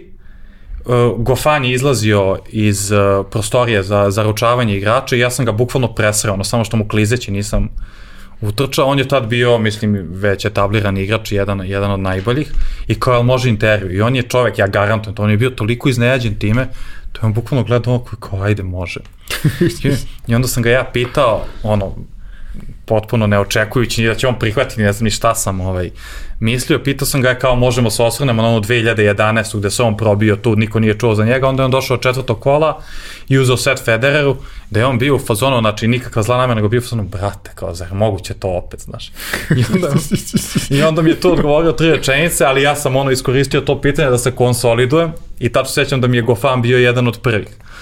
I onda vremenom, znaš, opustiš se malo, vidiš kako šta funkcioniše i tebe sam zvao, ti si autor poglavlja u knjizi ovoj, o društvenim mrežama, znači koliko su društvene mreže meni bile važne i korisne, da eto ti stranci koje sam upoznao putem Twittera, oni su meni olakšali to u početku, gde je šta, gde je konferencijska sala, kako moraš da tražiš intervju, znaš. I okej, okay, imaš taj zvanični put traženja intervju da ti popuniš formular, oni ga posle meča tenisera ili tenisarku pitaju hoćeš, nećeš, oni kažu da ili ne i onda dobiješ ili ne dobiješ. I dobit ćeš često i ja sam zato voleo da, i to i sada volim da radim ne samo na tenisu, nego volim sa nekim da, za koga mislim da može da bude jako dobar u budućnosti. Da, da radim intervju. Meni je recimo ništa slađe nego kad pročitam svoj intervju sa Gudurićem ono, iz prvog medija Deja kad je bio 13. igrač protiv MZT-a, znaš. Ali kao, ja imam to Gudurić za B92 sa mnom radio, sad, znaš. Ili recimo radio sam sa ovom Jastremskom koja sad na, neslavno završi zbog dopinga, ali kad je tek ušla u 100. Znači sad je na njenoj konferenciji bude po 20 ljudi, tad sam samo ja na US Openu 2018. hteo da razgovaram s njom. Takve neke stvari gotivim i onda gledam uvek neki drugi ugao, recimo, i to sam isto u knjizi naveo, 2016. E, u Australiji, kad je bilo sve ono, i kad je Novak osvojio, kad je bila frka s nameštanjem mečeva i sto nekih stvari, i jedan od najčitanijih tekstova na tom našem specijalu je bio intervju sa Viktorijom Golubić, koja je sad još ok igračica, ali tad bukvalno malo ko je čuo za nju, mislim da je to bio prvi glavni žreb slema, ali ono, pogotovo za B92 koji čitaju ono u celoj, u celoj bivšoj jugi je to bila dobra priča, bila bi i danas za sport klub uh, regionalna naravno. ne sa nekim ko je ono eksiju priča, roditelji se ocelili i kroz to malo provučeš i tenis i to je ispalo super i stajalo jedno vreme na ovoj našoj velikoj naslovnoj i čitalo se, ča, pazi, i na moje iznenađenje, ja sam to ono, kao neku ok, sporednu priču uradio, nije to bilo ni neki predug intervju, ali se na kraju čitalo bolje od nekih tekstova posle Đokovićevih velikih mečeva da se vratim na, na taj prvi Roland Garros, on mi je stvarno bio lud. Meni on kao da mi je bio jedan, jedan veliki dan. I eto, tako se postepeno se to, to razvijalo, malo onda posle naučiš i cake, gde možeš da ih sačekuješ, znaš ko je manje više Dobro, otvoren za razgovor. I oni prepoznaju već nakon to trećeg, jest. četvrtog puta. Ali recimo ja sam imao uh, baš te 2016. u Australiji Carlos Moja, koji mi je bio jedan od omiljenih tenisera kad sam bio klinac ne omiljeni, ipak su tu bili Agassi i Safin, su bili ono, broj jedan, ali recimo ja njega vidim sad na hodniku priča s nekim i ja sad tu stojim onako kao ono, neki pa dobranac, čekam da on završi, da ne budem baš nekulturan, da prekinem razgovor i odmah mu prilazim i on koji na moje iznenađenje staje i mi tu pričamo 10 minuta. I sad ljudi to zamišljaju uh, ne znam kako, ono, servirali mi moju, mi doveli ovako u studio, ja sad tu dolazim s kockan ko gospodin i pričam s mojom. Daleko od toga, znači u 80% slučajeva je to, ono, saletanje u prolazu, ti znaš gde oni otprilike bleje šta rade i onda tu napraviš, napraviš najveći broj stvari koje su i, ali to je super, nema, nema boljeg osjećaja nego kada, kada posle dva sata ono džedžanja u hodniku i negledanja mečava zbog kojih se ždereš da ćeš imati, nećeš imati. Znaš, ali to je najviše što možeš da uradiš nekad, ali evo, od svih tih čekanja, a bilo ih je mali milion, mislim da samo jednom ili dva put nisam nešto dočekao. Znači, ako ništa, da me neko na onako originalan način iskulira, pa da mogu to da iskoristim, ono. Cimo Martina Navratilova, Uh, ili to je na, ne, Navratilova me jednom pitala ko sam ovako, znači polu zgađanje me pogledali, ko sam, ko, ko si ti, znaš. Ako, ništa kao novinar, ako može intervju, ne može. Jebi ga, dobro, ne može, ono, jedan od deset će proći i onda će biti super, znaš.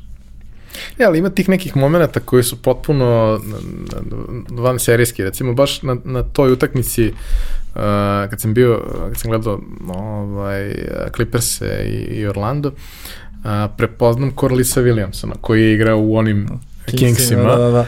I on je nešto sav smora, on je radio individualno sa, sa centrima, mislim, baš Orlando, ovaj, te sezone i on je sav nešto smoren, čeka da se to sve završi i sad ono, to traje posle utakmice i sve. I ja mu priđem i onako, znaš, ono, izvini, jesi ti Corlis, on ko sad, znaš, već se ozario, da neko zna ko je on. I on kaže, ne znam, ovaj, ja sam iz Srbije, ne znam koliko znaš, ali mi smo pre 20 godina ovaj, nismo spavali jedno dve godine gledajući sve što vi radite i on kao, wow, kao Vlade, Peđa, kreće da psuje na srpskom naravno, da, da, odmah, kao odmah. i svi, i kao, hvala ti puno, kao baš je težak dan, ovaj, mislim, ovaj su ih pregazili, ovaj, baš si mi kao ulepšao dan, hvala ti puno, kao, super. Kao, ja sam nešto radio s tim, pa možda sam i mogao nešto da uradim, ali nije bitno, kao, znaš, mislim, meni je, meni je to bilo super. A isto tako varijanta, jedna od boljih iskustava ovaj, na, na, na, na NBA-u um, u San Antoniju, Dallas, jedna od mislim, tipa sedma utakmica Dončića u NBA, prvi put kad je dao 30 poena. Izgubili, izgubio Dallas u produžetku. I sad pre početka utakmice, to je bila ona sezona nakon što je Popović umrla supruga. I mislim, ceo, cela priča sa, sa San Antonijom je takva da ti, to je najdomaćinski od svih ovaj, dvorana u kojima sam bio i klopa je najbolja i sve to. I kao to sad, znaš, tu sam ja već mi je, ne znam, sedmi, osmi put da sam bio, već sam se ja tu malo opustio, mm. znaš, kao i kao on dolazi i skupljaju se ljudi kao za neke izjave, ja prilazim i kao tri lika koje su tu neki pomoćni nešto, asistenti, nisu, nisu treneri, ali ne, neki su tu, da kažemo, deo Stefa, koji kao, uh, gde si pošao? Pa ne, ja sam mislio, ne, ne, ne, gde si pošao? Tebe ovde niko ne zna, stani tamo. Pa samo da pitam, ne, you know, Serbia, uh, tamo, tamo. I kao, okay. dobro. Čak mislim da smo se tu noć čuli porukama i da si mi ti rekao, a mislim i ja sam to negde ono imao, nego nisam nekako sve to stigo da uklopim, jer sam jurio Dončića, to je trajalo beskonačno sa njim, ali sam uspeo da uklopim. Ti znaš šta ja si mi mislim rekao- o tom tvom intervju za Dončića. Jebi ga, brate. ovaj, e, ti si mi rekao kao, pa isi me Bertansa, kao tu je. I ja odim na slučionice i on je još uvijek bio tu, nešto se preslačio, kao, ej, jel može? Ma naravno i ispričali smo se lepo Ali meni taj dečko, srpskom. kako on zna srpski, mislim, ja ne znam, je letonski neka ono podvarijanta srpskog, ali on ko da se rodio ono, ne znam, u Kragujevcu ili Beogradu. ili... Verovatno Duletova lektira. Da, vi stvarno svaka čast. I mislim super dečko i super neka realna priča koju je dao. I znaš, e, to bi se desilo sa, sa svima njima, čak i ovim našim koji su realno zvezde i posebno ovde su zvezde, čak i tamo, kažemo, imaju neku vidljivost. Svi se bre ozare kad, kad dođeš. Jer on nije vidio srpskog Jest, novinara ili jest. regionalnog novinara. Za nedostajemo im. Znaš, ima i ovi koji, koji me već i znaju, pa ono, nije, nije, nije novo, nije ni... Ali kod svih imaš mnogo drugačiji odnosi, mnogo su željniji da nešto kažu, a i oni koji nisu, a bilo i takvih slučajeva sa ovaj, Nurkićem konkretno, njemu se baš to nije radilo. On je bio najveći profesionalac od svih i sve je to odradio jako, jako, jako dobro. Kad su se ugasile kamere, nije me baš mnogo milo pogledao, ali smo profi uradili sve i dobra je bila priča i sve što uz to ide. Pa mislim, uvek je to bolja varijanta nego da je sve kula da ništa nisi uradio, barem sa novinarskog aspekta. Pa ne, ali znaš ka, nekako mislim da je tamo da i oni negde imaju direktivu koja kaže da to je jako važan deo posla i moraš da se odnosiš prema novinarima sa poštovanjem, posebno prema tim koji dolaze iz, iz celog sveta da to uradi. Ja se sećam i kad, kad god sam uh, jurio akreditaciju i sve, bez obzira što su bili kratki rokovi, nema mesta, sve, odgovor je naći ćemo mesto.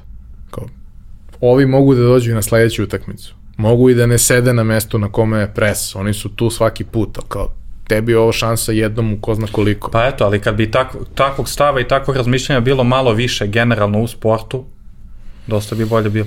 Nadam se, nadam se i da će biti. Mislim, zavisi to, znaš, mnogi ljudi se vremenom opuste, zavisi šta je agenda. Agenda NBA je da se globalno širi i da bude globalno popularna i samim tim kao neko ko dolazi iz nekog drugog kraja sveta, imaš sigurno mnogo više privilegija nego, da kažemo, na lokalu, mada pretpostavljam da je, da je, da je i tu situacija dobra.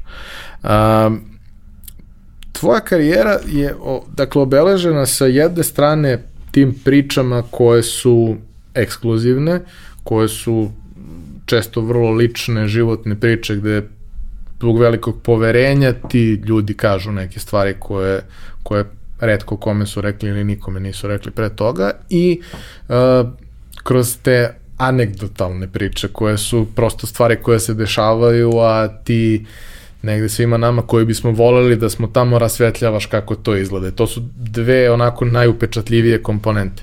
To je verovatno 5%, a 95% je onaj uh, rudnik.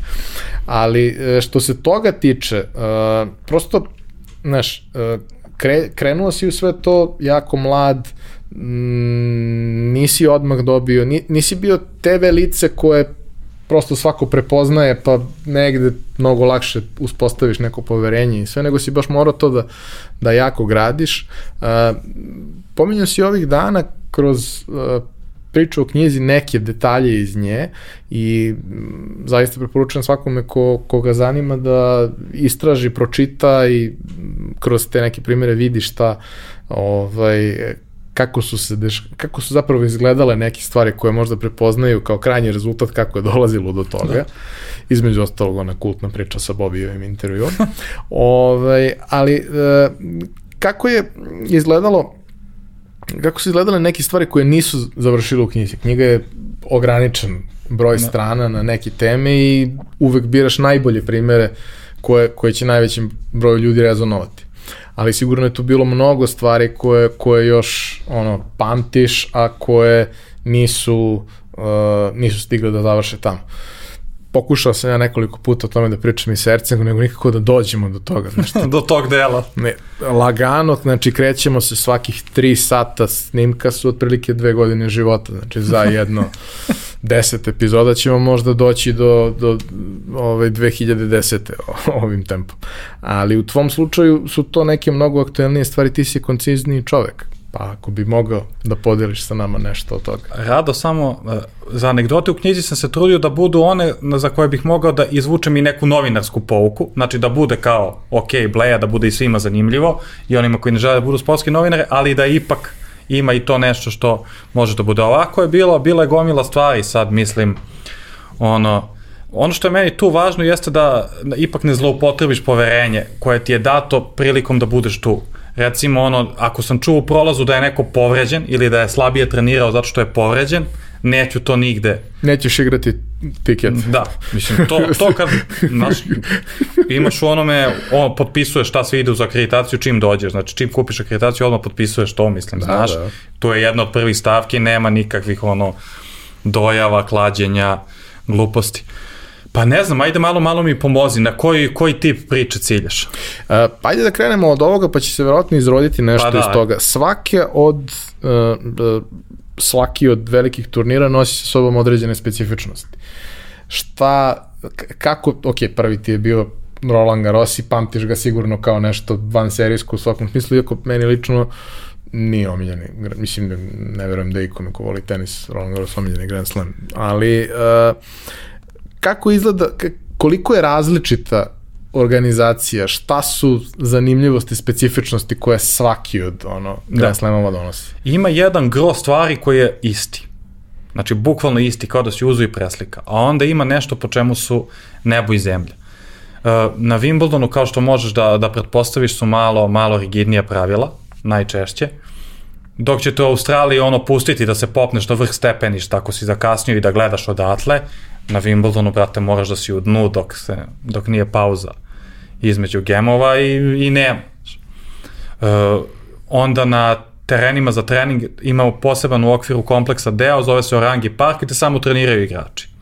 Na drugim terenima prvo ne funkcioniše, na drugim slemovima ne funkcioniše tako, nego on, treniraju svugde po kompleksu, ili u nekom drugom kompleksu da ti je isto, možeš da koliko god budeš, a na Wimbledonu dobiješ poseban, posebnu propusnicu za to i onda možeš, ne znam, pola sata ili sat, ako si pisani medij, ako si TV, možeš nešto duže. Wimbledon, uh, Wimbledon je nestvaran doživlje, jer ti kad dođeš ono to bukvalno kao da si u nekoj bajci, pogotovo za neko ko voli tenis i ja prvi put kad sam došao i ono tačno sećam prvo što sam video jesu oni uh, baneri sa branjocima titula da su bili Đoković i Kvitova, pošto sam ja bio 15. prvi put, a 14. su oni uzeli, ako se ne varam. I, ali sa ti, sa aspekta toga, neče, šta je dopušteno, koliko je opušteno, tu su šampioni, šampioni New York. New York i Australija. Francuzi ne znaju ništa, znači ono u smislu da ako je neko postavljen tu da ti sipa čašu vode, on zna samo da ti sipa čašu vode i ne zna ti pokaže gde je stadion, ako slučajno ti ne znaš, a kao a gledalaci. Dok u Australiji i u Njujorku to funkcioniše mnogo opuštenije i ono što je u Njujorku najbolje u stvari, što je uh, što je na onom gornjem nivou Artur Asha je dozvoljeno kretanje non stop. Sad su to malo promenili ove poslednje godine, ali ranije je bilo da možeš non stop ono da se krećeš, možeš da uđeš i kad nije i kad nije pauza između gemova i onda su to obilato, obilato ljudi koristili. Ali, ma mislim, meni je, meni je New York fantazija grad. Uh, ali ima, imam jednu priču, ovaj, sad, sad ne znam, ne znam da li da ispričam, ali onako jako dobra. Pa onda ispričam. Ovaj, moja mama je bila 2018. 2018. na US Openu eh, krenula u New York i isto fanatik za tenis, mislim, i, i Keva i Ćale ovaj, obožavaju tenis i sport. I njoj je bilo poslednje, poslednji je dan bio, imala je kartu samo za dnevni program. I sad ono, srpska priča klasična je kao kako da kako, iskombinujemo kako nešto. da iskombinujemo nešto. I sad, i, i mi kao tu već odustali, nema veze, ajde ja moram da radim, vidimo se posle u stanu i kao sutra ideš, kao cool, sve bilo nam je lepo, sam, mislim, divno bilo 5 dana, stvarno. I ja vidim kreću da ulaze ovi za, za večernju sesiju. Ja rekao, ajde probaj da uđeš sad ovde u guži, ono, znaš, imaš tu kartu za danas, stavi preko onog gde piše, ono, day session, stavi prst kad pokazuješ kartu i kao, znaš. I ona krene, i, znači, uđe najrutinskije, ispostavi se najbolje veče na turniru, ubedljivo najbolje veče na turniru. Prvo igraju Serena Williams i Pliškova, a posle toga nadali tim, onaj ludi meč koji se završio u taj breaku petog seta, 20 do 3 ujutro, ono, Keva, ja, trojica kolega i još soma ljudi, oliko Marto Rešu, znači gledamo sami Nadal tim. To mi ono bilo, bilo je neverovatno. Šta je još bilo dobro? Da, bilo je dobro isto u Njujorku kad smo kao ajde pauziramo jedno veče, ne moramo radimo, ali kao idemo negde da gledamo Nadal Schwarzman, pa kao pivo i to, znaš. I sednemo mi, sednemo mi i gledamo meč i bacim pogled desno kad Samantha Stosur. Samantha Stosur cepa pivo jedno za drugim, znaš. I mi kao, može slika kao s novinarima iz Srbije, kao nećemo reći kao za ta piva, kao što si popili, ono kao, ma pišite slobodno, kao vole me uši, kao radite što i onda smo to gledali, ono, pet minuta meč zajedno, ona je stvarno car, znaš od kad je ona meni car? Od kad je bio neki naslov u nekim australijskim novinari, novinama, uh, on a roll, I ona se slikala sa zemičkom, ovako glavu. Kraljica.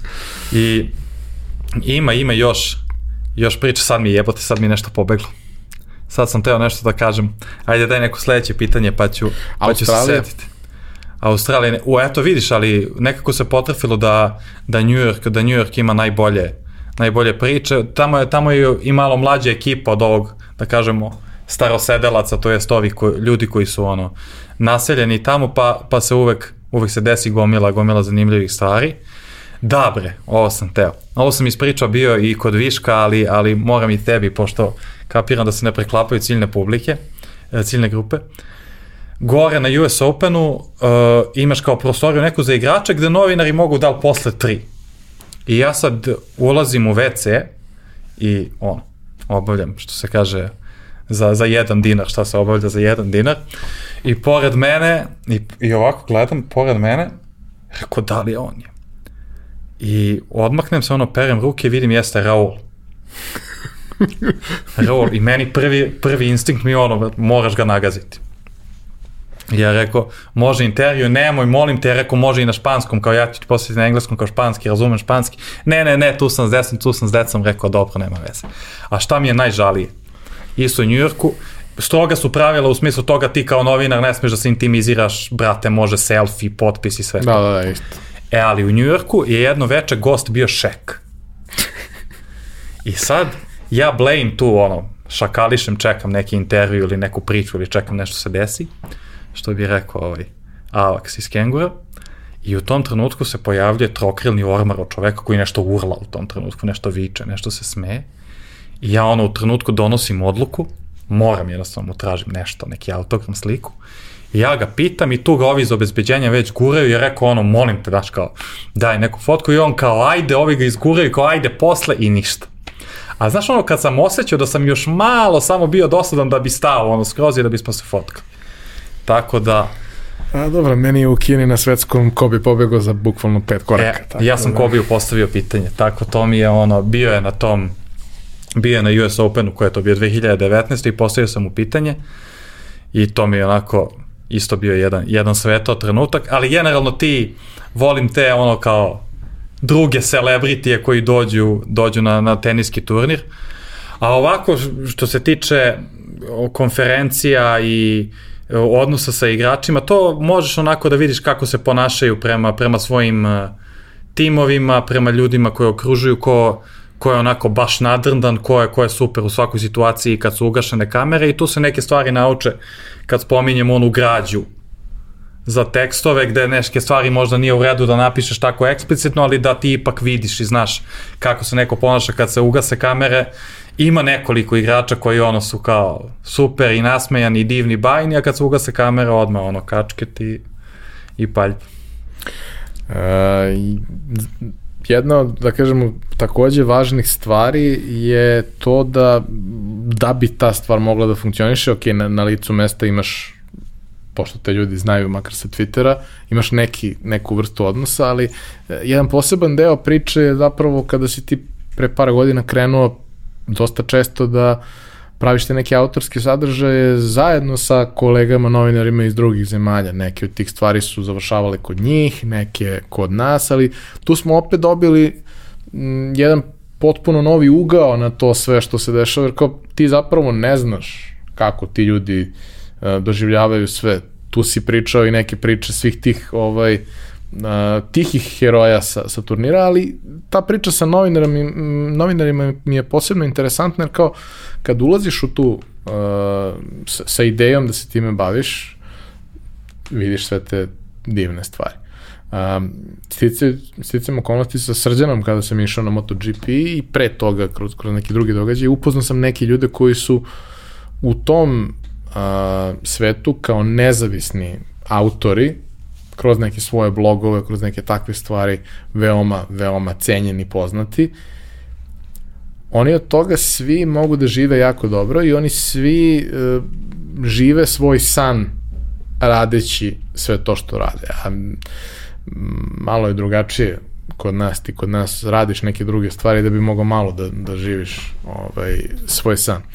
A, šta si naučio iz priče sa, sa svima njima koji su, da kažemo, prepoznate globalno face u, u svetu uh, primarno tenisa, ja kažem, teniskog novinarstva. Jedna važna stvar profesionalno sam naučio pomešano od kolege Voje iz žurnala i onog Christophera Clarija iz New York Timesa. A to je da ne mora sve odmah. Znači ja koji sam odrastao na internetu i koji sam radio u životu jedino za internet, meni je kad nešto napravim, Moram to, da, znači to mora do večeras da mi ide ili ono, ili živ nisam. A Voja me je naučio i kroz razgovore sa, sa Kristoferom koji je isto jako korektan lik, inače je trebalo da medeni mesec proživi u, u ex-Jugoslaviji, ali je počeo rat, to je prvo što mi je rekao kad smo, kad smo pričali o tenisu, a bio jedan novinar Američki koji mi se izvinio za bombardovanje i to mi se izvinio onako baš, Ja rekao, ok, ono, kao niste vi krivi, ono, hvala, ali, ali niste vi krivi. I generalno imam sa Amerikancima veoma pozitivno iskustvo. E, da se vratim, da se vratim na ovo što sam rekao i onda sam prosto naučio e, da pomognem sebi, da ne budem baš u frci 0 do 24, da li ću nešto imati, nego jednostavno neki dan mogu nešto da sačuvam za sutra, za preko sutra, onako kako to rade u, u štampanim medijima i to mi je mnogo pomoglo da skinem neki pritisak sa sebe i da više uživam u svemu tome što što radim u tom snu koji si, koji si spomenuo. Kada je reč o stranim kolegama, ova francuskinja Karol, to, to jako je korisno zato što ti možeš da razmenjuješ materijale. Ona meni uvek da, ako je neko nešto rekao zanimljivo na francuskom, ja ću njoj uvek prevesti, ono, snimiti voice na engleskom, šta je Đoković rekao na srpskom i to mislim da daje jednu bolju, bolju mnogo pokrivenost. I upravo to što si rekao, oni, mislim, to je s jedne strane, ok, živiš svoj san, ali s druge strane nije ni lako. Znaš.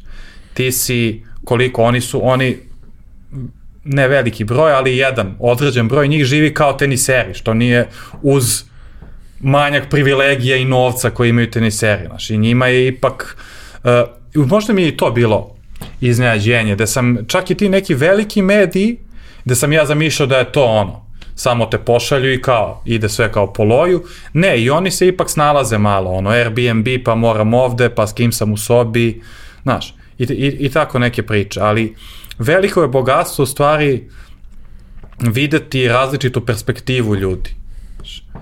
I recimo, baš sam pričao s jednom koleginicom Indikom, kojoj sa kulturološkog aspekta nije bilo jasno mnogo toga šta Đoković radi i kako se ponaša, na primjer.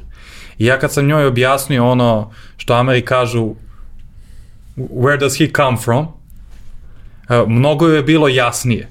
I mnogo su neke stvari i, i, i to su tako neke lepe priče, a mogu da kažem da imam i dvoje prijatelja, sa ono koje sam stekao, ovog mog Izraelca Roija, koji je čovjek potpuni čudak, i, i, i Viki, ovu Grkinju, koji je isto veliki car, ono, za, zaluđenih za tenisa. To se desilo tako što su me greškom stavili u neku, ono, zabačenu sobu na Wimbledonu da je bilo nas petoro sa najhladnijom klimom u istoriji. Znači u toj prostoriji je bilo 14 stepeni sve vreme. Zvuči da. A smo se mi tako, da, da, da, ja, ja, ja došao u džemperu, sad tek provaljujem koliko se znojim. ovaj, I mi smo se tako upoznali i to, i to su neke, to su onako baš, baš, baš meni lepe pričice. A u krajnjem slučaju i, I na Wimbledonskoj nedelji sam smislio kako ću da zaprosim ženu, tako uz pomoć svog zeta, tako da eto i to je jedna dobra pričica sa Wimbledon.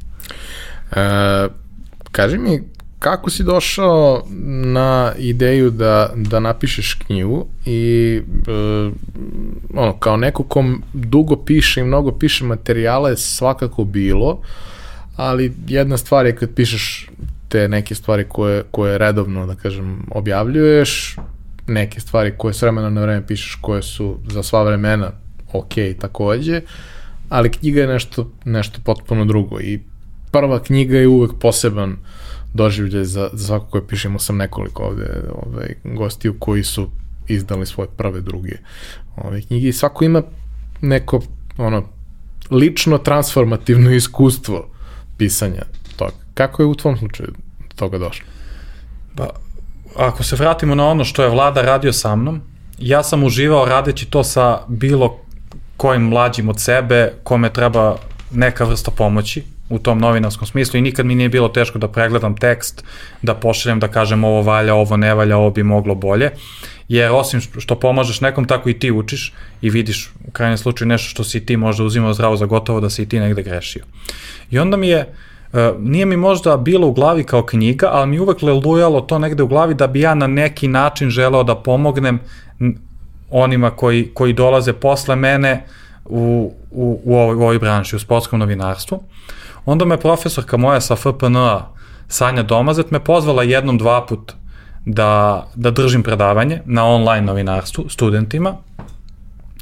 I prvi put sam otišao ne baš spremljen potpuno i to je ispalo dobro, zato što je to uvek bila anegdotica, ha ha hi hi, i ispalo je to super, ali što kažeš, verovatno nije bilo nešto pretarano korisno sa novinarskog iz novinarske perspektive, a drugi put sam rekao daj da napravim nešto ono, da to bude ljudski, pa mogu posle i da, i da pričam priče.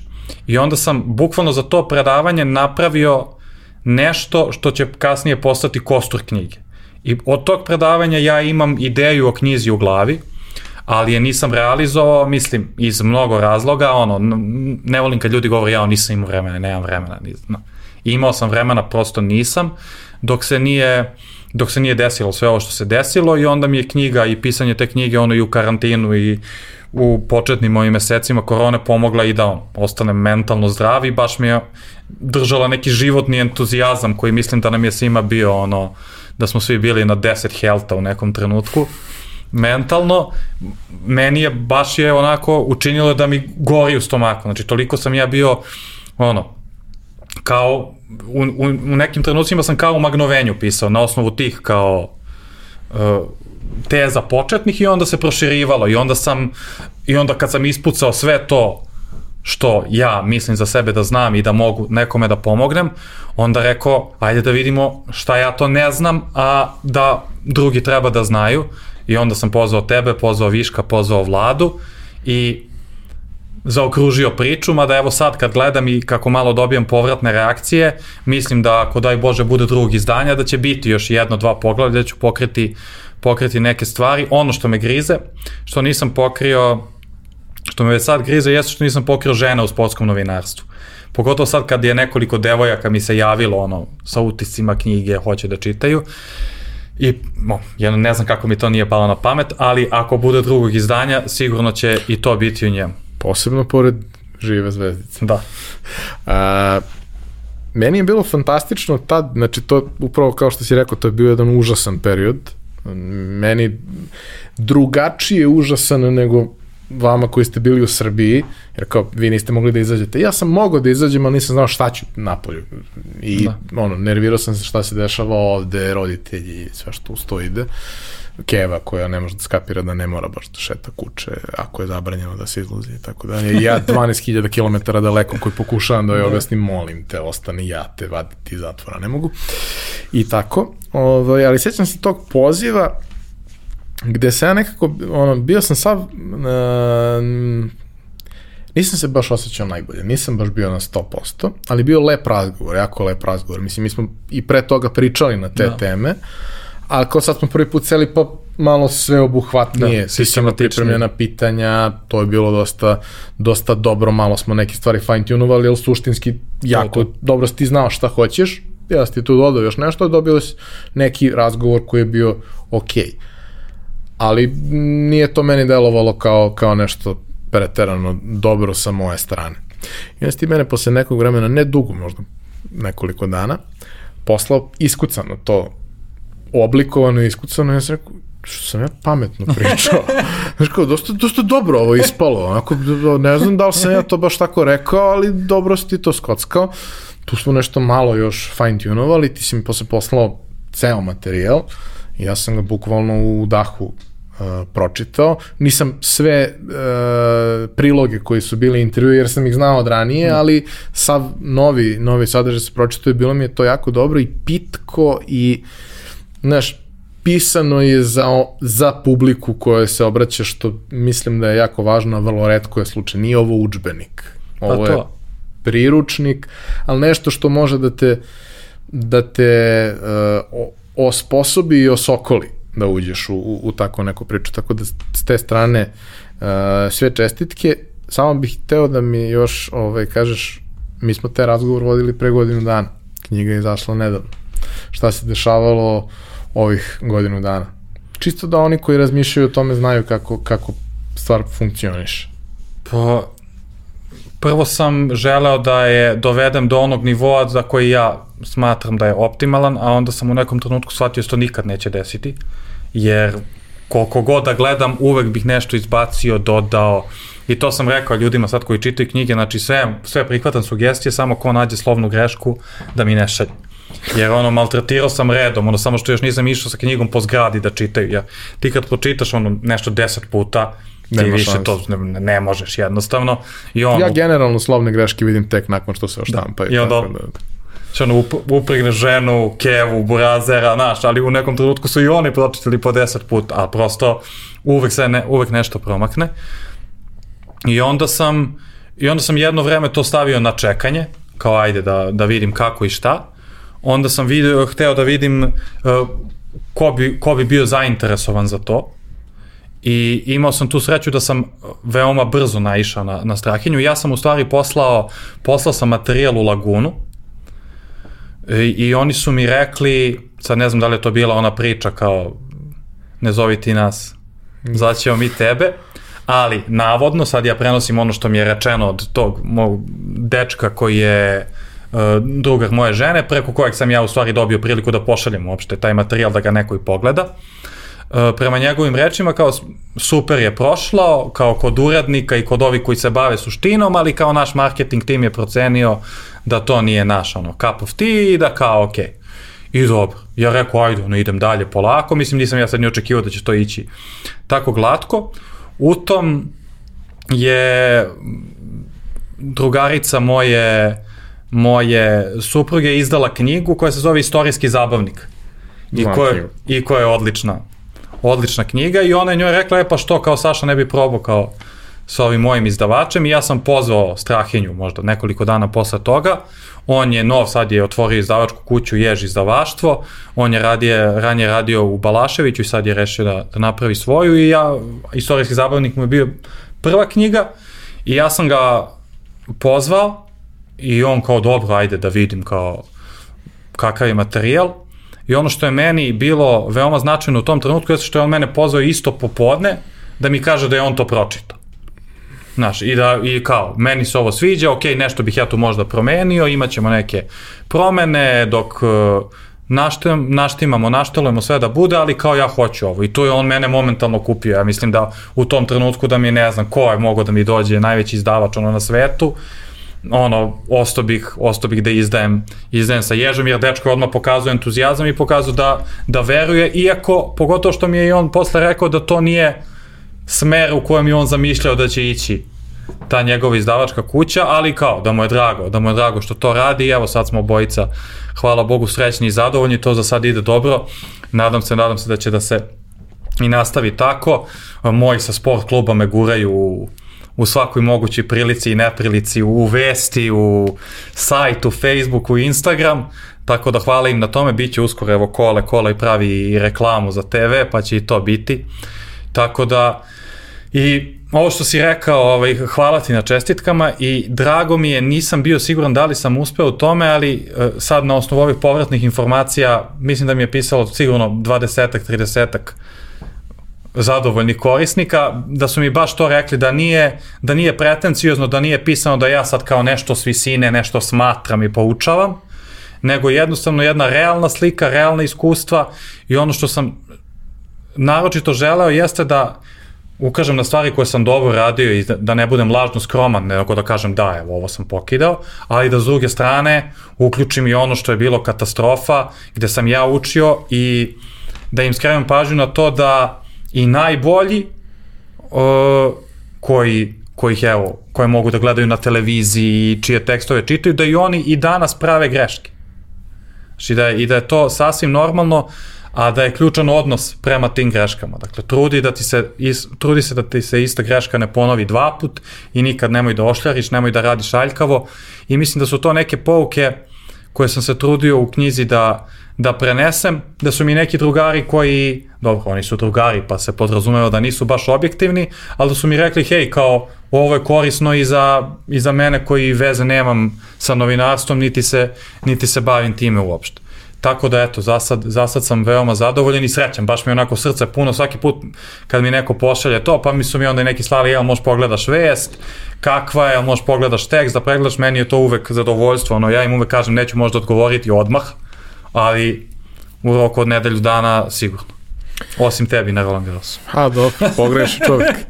Ove, mislim da mi je drago što nisam bio fizički prisutan na tom finalu, zato što nisam Jer siguran možda, da bi ga Možda preživao. bi bila ono, izvestili u novinama jedan Srbin uletao na terenu.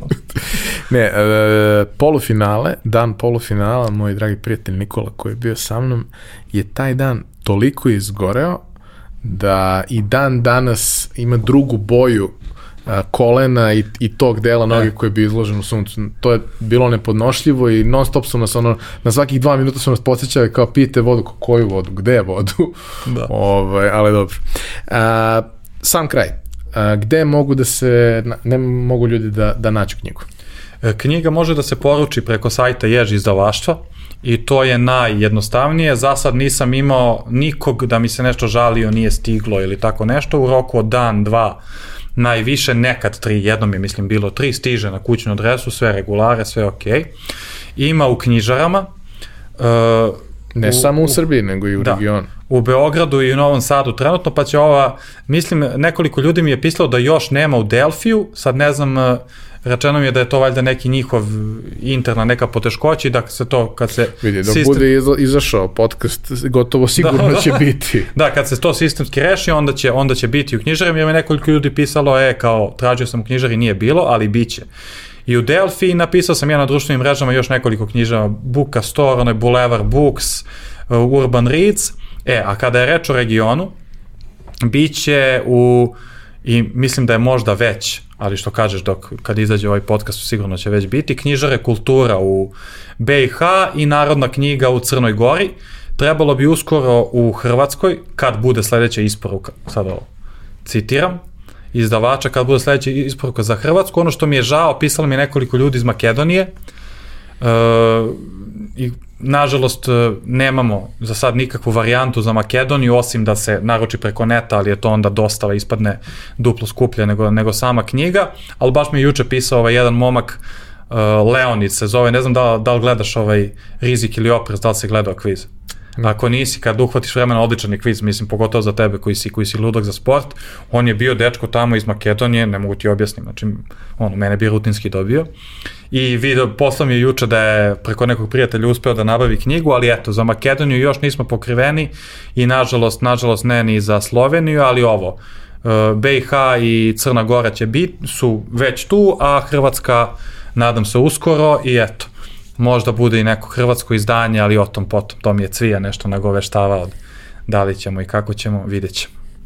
Saša, hvala ti, hvala ti na, na, na ovoj priči i što si iskoristio svo to neko do sad uh, vreme da pomogneš nekim novim klincima da dosanjaju neke, neke svoje snove, jer kao snovi su, snovi su jako važni da bi bili srećni i zadovoljni ljudi, jer na kraju dana to je ono zbog čega se svi trudimo u životu, džaba, sve drugo, ako si ti bogat i nesrećan, mada nešto lakše biti bogat i nesrećan nego siromašan i nesrećan. Da, to je ono sta. Hvala tebi na pozivu i evo, mislim, nekoliko, toliko si me podsjetio na neke priče koje su mi drage i pokrenuo neke teme o kojima ja volim da govorim, da sam prosto osjetio da sam u nekom trenutku ono izgubio mir, da sam kao uzbuđen, kao da ono, kao da sam blago pripit, ko ovi ono iz Mats Mikkelsen u novom filmu, je bukvalno tako, ono, u onoj početnoj fazi se osjećam da sam. Tako da hvala ti. Ukoliko vam se ova epizoda dopala, pogledajte i neku od prethodnih, a možete nas zapratiti na YouTube-u, na audio platformama ili se prijaviti na našu mailing listu, a takođe ukoliko želite možete nas podržati na platformi Buy Me a Coffee, bilo jednokratnom donacijom ili mesečnim pretplatom. Za kraj bih se samo zahvalio još svima koji nas podržavaju, kao i našim prijateljima iz kompanije Epson koji su pomogli realizaciju ove epizode i pozvao vas da kao i do sada sve svoje predloge, sugestije komentare ostavite na za to predviđenim mestima na društvenim mrežama i na YouTube-u, a mi ćemo ih uzeti u obzir u realizaciji narednih epizoda. Vidimo se naredne nedelje.